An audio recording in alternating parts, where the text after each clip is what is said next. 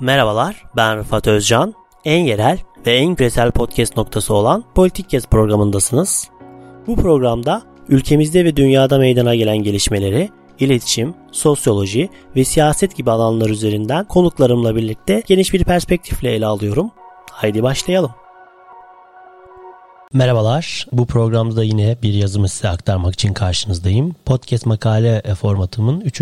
yayını ile karşınızdayım. Bu bölümde e, ele alacağım yazı ise bir meslek olarak siyaset. Max Weber'in yazdığı bir kitap hatta verdiği bir konferansın kitaplaştırılmış hali bir meslek olarak siyaset. Bu konferansın dediğim gibi kitaplaştırılmış hali bu ve siyasetçi ile sıradan insanın ahlak farklılığına yaptığı vurgu açısından e, çok önemli. Yani sıradan insan ile siyaset yapan insanların aynı ahlak ahlaki yapıya e, ve de aynı ahlaki davranışlara haiz olamayacaklarını belirtiyor ve bunun üzerinden gidiyor kendisi. Bunu aslında modern siyasetlik olarak da Machiavelli ile beraber görmüştük. 20. yüzyılda da Weber var. Daha sonrasında tabii ki yine Schmidt gibi bir isimden de e, bahsedebiliriz bu yüzyılın başlarında. Bu yani ahlak konusu tabii ki önemli. Yani siyasetçilerin genel olarak e, hep ahlaksızlığına yani pragmat, pragmatizmi bir ahlaksızlık olarak görülüyor. Onu söyleyebiliriz. Birbiriyle çelişen ifadelerin bir araya getirerek e, siyasetçiler işte zor duruma zor duruma düşürülmeye çalışılıyor. Ama genel olarak Max Weber bundan işte 100 yıl önce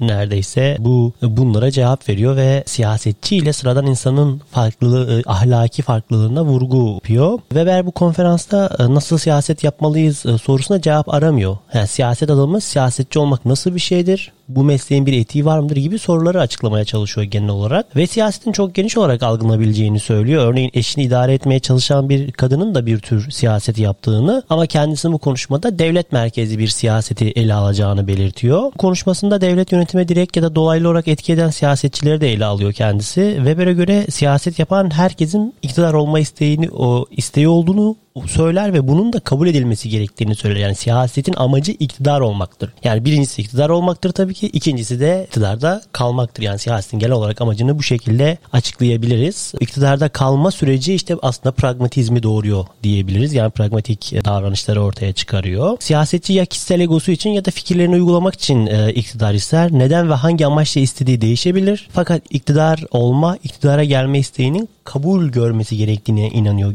e, genel olarak. Weber'e göre genel olarak 3 tip siyasetçi vardır. E, birincisi ara sıra siyaset yapan kişiler. Bu kişiler yani gerektiğinde oy kullanır, siyasi katılım sağlar ama hayatlarının merkezinde siyaset yoktur. Yani bunlar aslında sıradan insanlar yani sadece oy kullanan insanlar diye varsayabiliriz. İkinci e, kategoride ise siyaseti ikincil bir faaliyet olarak yapanlar olarak ayırıyor. Burada asıl olarak başka işleri ve uğraşları olan ama aynı zamanda siyasi üyelikleri bulunan e, kimseler. Üçüncü olarak da asıl mesleği siyaset olanlar olarak ayırıyor Weber. Weber asıl mesleği siyaset olanları da kendi içinde ikiye ayırıyor. Bunlar da işte siyaset için yaşayanlar ve siyasetten yaşayanlar olarak ayrılmış burada. Ve e, ilk olarak siyaset için yaşayanları şu şekilde açıklıyor. Bunlar da iktidardan haz alanlar ya da hayatlarının amacı e, olan bir davanın peşinde koşan insanlardır. İlgili kişiler ekonomik bir bağımsızlığa da sahip olmalıdır. Yani siyaset için yaşayan insanların. İkinci olarak siyasetten yaşayanlar ise e, bunlar siyasetin sırtından geçinen kişilerdir. Siyasetten ekonomik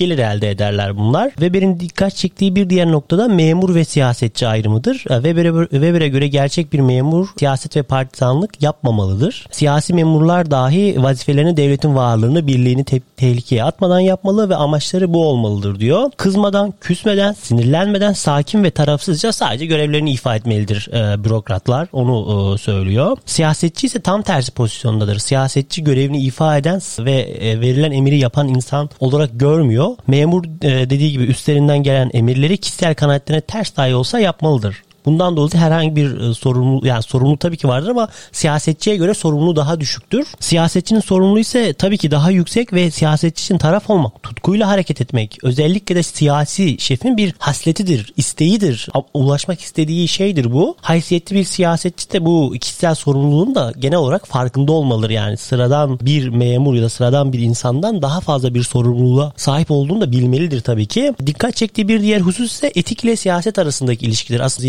yazmamı ya bu yine tekrardan podcast olarak ele almamın asıl amacı bu. Yani hem tabii ki siyaset yapanları bir kategorize etmesi, sınıflandırması çok önemli. Ama özellikle siyaset ile etik arasındaki ilişki burada benim daha çok ilgimi e, çeken nokta onu söyleyebilirim. Weber'e göre etik kuralları hem siyaset alanı için hem de diğer alanlar için alanlar için e, geçerli olamazlar diyor. Çoğul bir etik anlayışına sahip yani ikin, ikir, ikircikli bir etik anlayışına sahip Weber ve iki tür etik anlayışından e, bahsediyor genel olarak. Bunun birincisi kanaat etiği. Kanaat etiği tamamen kişisel kanaatlerle ilgilidir yani. Ona göre yani huzur içinde yaşayıp öldükten sonra öte dünyada cenneti düşleyenler siyasete girmemelidir. Yani Machiavelli de prensler için onlar sitelerinin büyüklüğünü ruhlarının kurtuluşuna tercih edenlerdir demektedir. Yani burada net bir ayrım koyuyor. Bununla birlikte sıradan insanlar ile prensler için de farklı ahlak anlayışlarını ortaya koyuyor böylece. İkinci olarak kanaat etiğinden sonra sorumluluk etiğini e, ortaya koyuyor ve sorumluluk etiğinde de e, kanaat etiği anlayışla ilgili yani mesela sıradan insanlar için şöyle deniyor İncil'de kötülüğe şiddetle karşılık verme, iyilikle karşılık ver. Yani sıradan insanlara savaşma demek istiyor e, istiyor burada.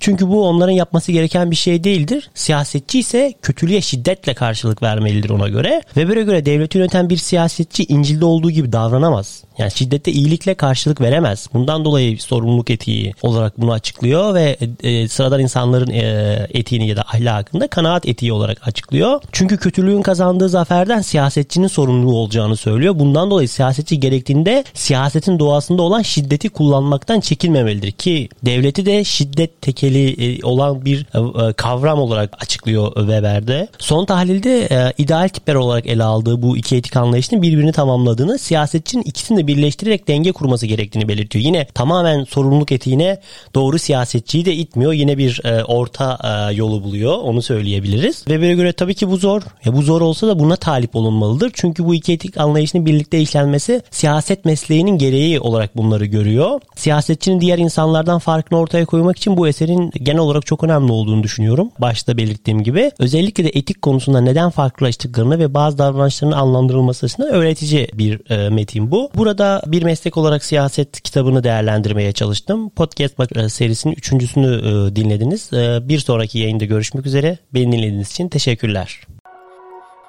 En yerel ve en küresel podcast programı Politik Kesti dinlediniz. Bizi Spotify, Apple Google Podcast üzerinden ve sosyal medya hesaplarımızdan takip etmeyi unutmayın. Yeni başlıklar ve konuklar için kulağınız bizde olsun.